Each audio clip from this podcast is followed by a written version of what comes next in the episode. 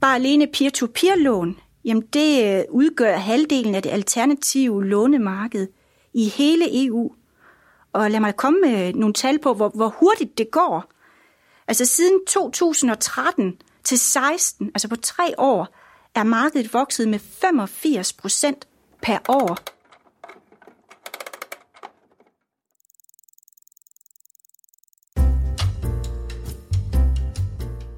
Du lytter til Det Videnskabelige Kvarter. En podcast fra Aarhus BSS, hvor vi sammen med en forsker på 15 minutter vil give dig et indblik i noget forskningsbaseret viden om erhverv og samfund. Mit navn er Michael Skrøder.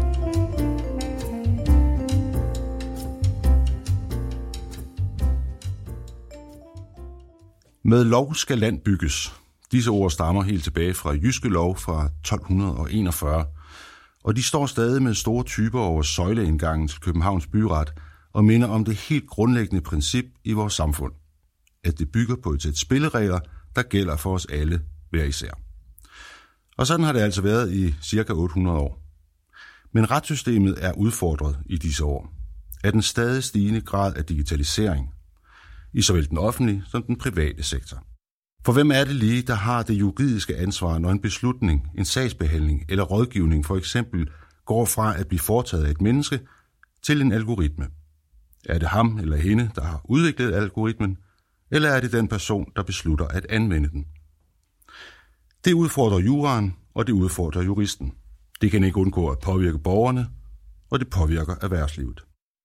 I dette afsnit af det videnskabelige kvarter har vi besøg af professor Tanja Jørgensen fra Juridisk Institut på Aarhus BSS.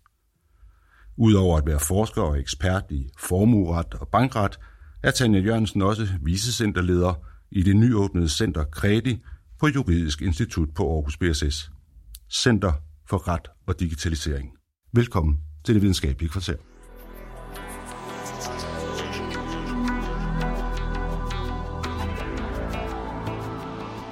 Tanja Jørgensen, allerførst.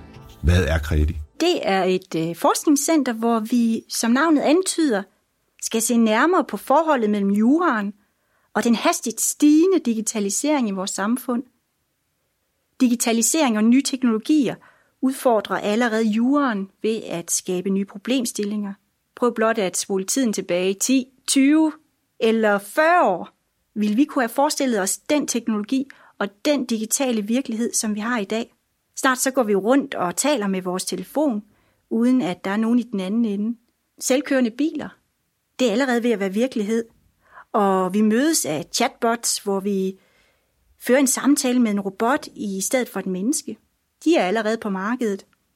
Her til morgen der læste jeg en artikel om, at robotter kan blive så menneskelignende, at vi kan blive nødt til at øh, tildele dem juridiske rettigheder. Måske er det noget, morgendagens jurist skal arbejde med. Jeg ved det ikke. Så hvad vi tidligere troede ikke var muligt, er muligt i dag. Og hvis ikke i dag, så i morgen. På kredit stiller vi derfor skarpt på, hvilke konsekvenser digitaliseringen af samfundet har for borgerens juridiske rettigheder. Problemet er lige nu, at juren har fået lov til at halte håbløst bagefter den digitale udvikling. Så der er allerede opstået sorte huller, hvor vi ikke ved, hvad retstilstanden er, eller hvor borgeren efterlades i et juridisk tomrum. Hvad er det for nogle sorte huller, du snakker om? Ja, du er selv inde på det i din indledning. Hvem har for eksempel ansvaret, når en beslutning eller en vurdering foretages af en robot, og ikke et menneske? Eller et andet eksempel. Hvem må anvende dine data på nettet, og hvad må de anvendes til? Retssystemet det udgør en beskyttelse af forbrugere, borgere, investorer, virksomheder osv. Og det er vigtigt, at den her beskyttelse virker. Vi skal jo have en høj tillid til, at vores retssystem beskytter os. I sidste ende værner det om helt grundlæggende samfundsværdier. Ikke mindst retssikkerheden udgør en grundsten i vores samfund, og den skal vi værne om. Er retssikkerheden i fare? Ja, det kan den jo komme hvis, især hvis vi som jurister og samfund øh, lader stå til. En ting er sikkert, den øh, digitale udvikling, den stopper ikke, og samfundet som helhed bliver mere og mere digitalt.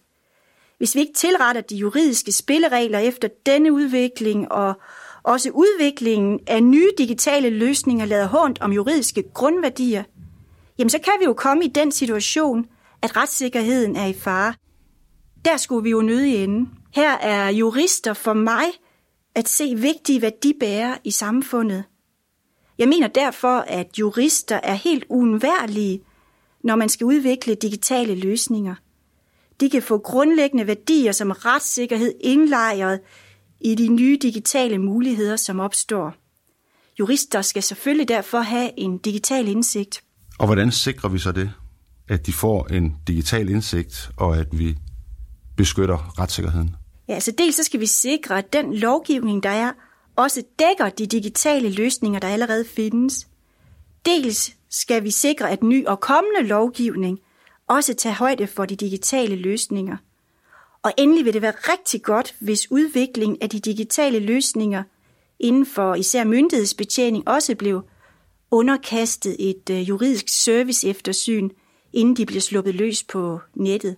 Dit ekspertiseområde, det er jo inden for formueret og bankret. Hvad er det for nogle problemstillinger, du ser der som inden for dit ekspertiseområde?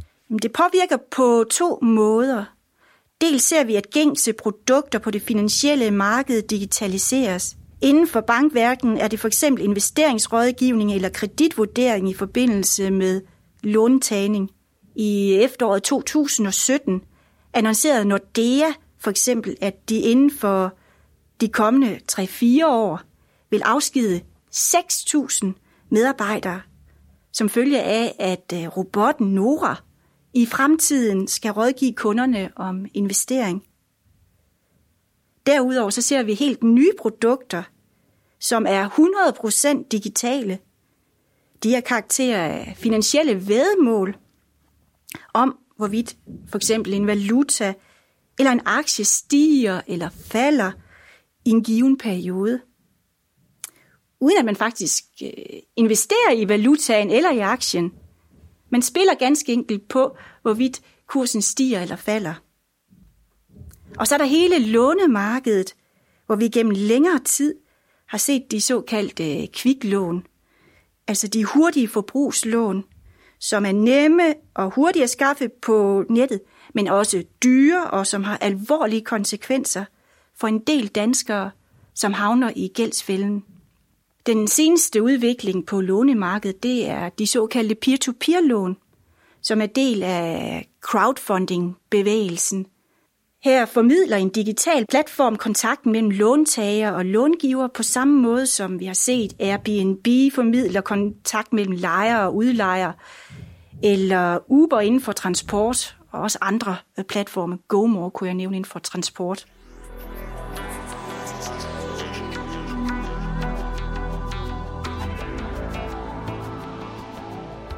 Men er det egentlig ikke meget godt alt sammen? Øh, som kunder får vi adgang til banken, når det passer os.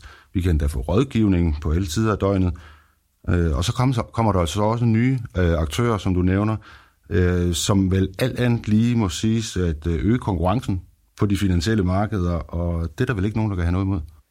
Altså som udgangspunkt skal vi da som samfund tage rigtig godt imod disse nye produkter og tjenester – som udvikles i kraft af digitaliseringen.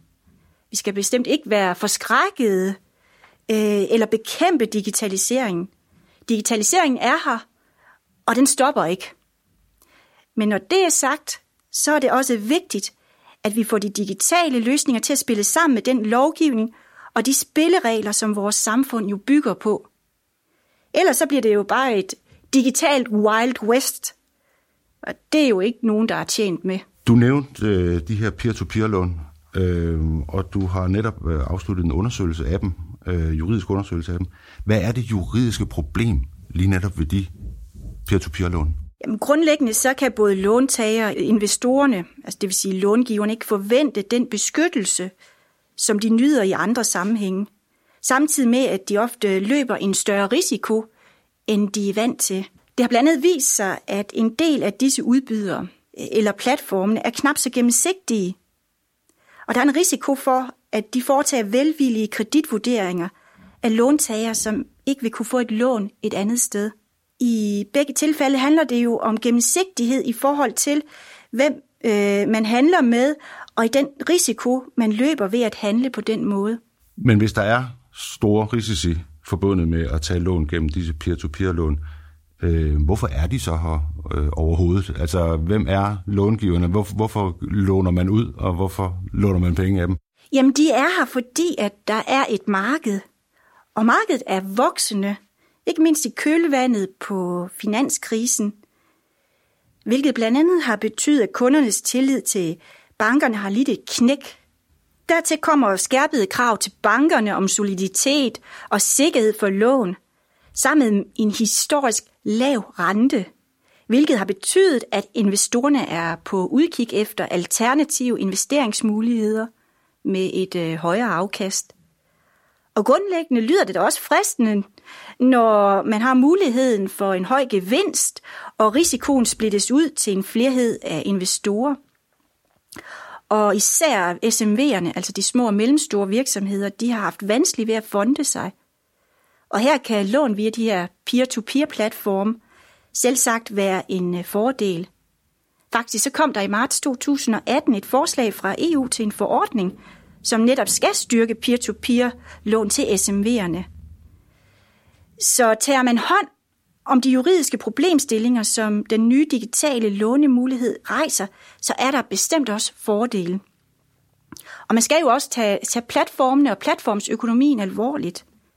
Bare alene peer-to-peer-lån, jamen det øh, udgør halvdelen af det alternative lånemarked i hele EU. Og lad mig komme med øh, nogle tal på, hvor, hvor hurtigt det går.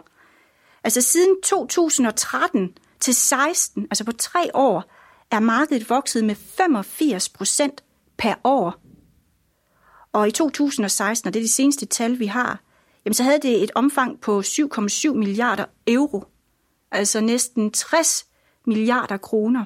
Men er der, er der andre juridiske problemer forbundet med de her peer-to-peer-lån? Altså problemerne de kan variere fra land til land, alt efter hvordan den nationale lovgivning er skruet sammen. Men der kan for eksempel være nogle ret alvorlige spørgsmål i forbindelse med sikring mod hvidvaskning af penge og finansiering af terrorisme. Og generelt så, så er det spørgsmålet om, hvordan platformen den er omfattet af eksisterende lovgivning om bankvirksomhed, betalingsvilkår og beskyttelse af såvel forbrugere som investorer. En af de mere opsigtsvægtende nationale afgørelser i forhold til peer-to-peer-lån var faktisk det danske finanstilsyn, der i 2014 afgjorde, at øh, platformen Trustbody øh, faktisk drev bankvirksomhed uden at være en bank, med meget store konsekvenser til følge for de mennesker, der havde øh, betroet betroet Trustbody deres penge til at låne ud til andre.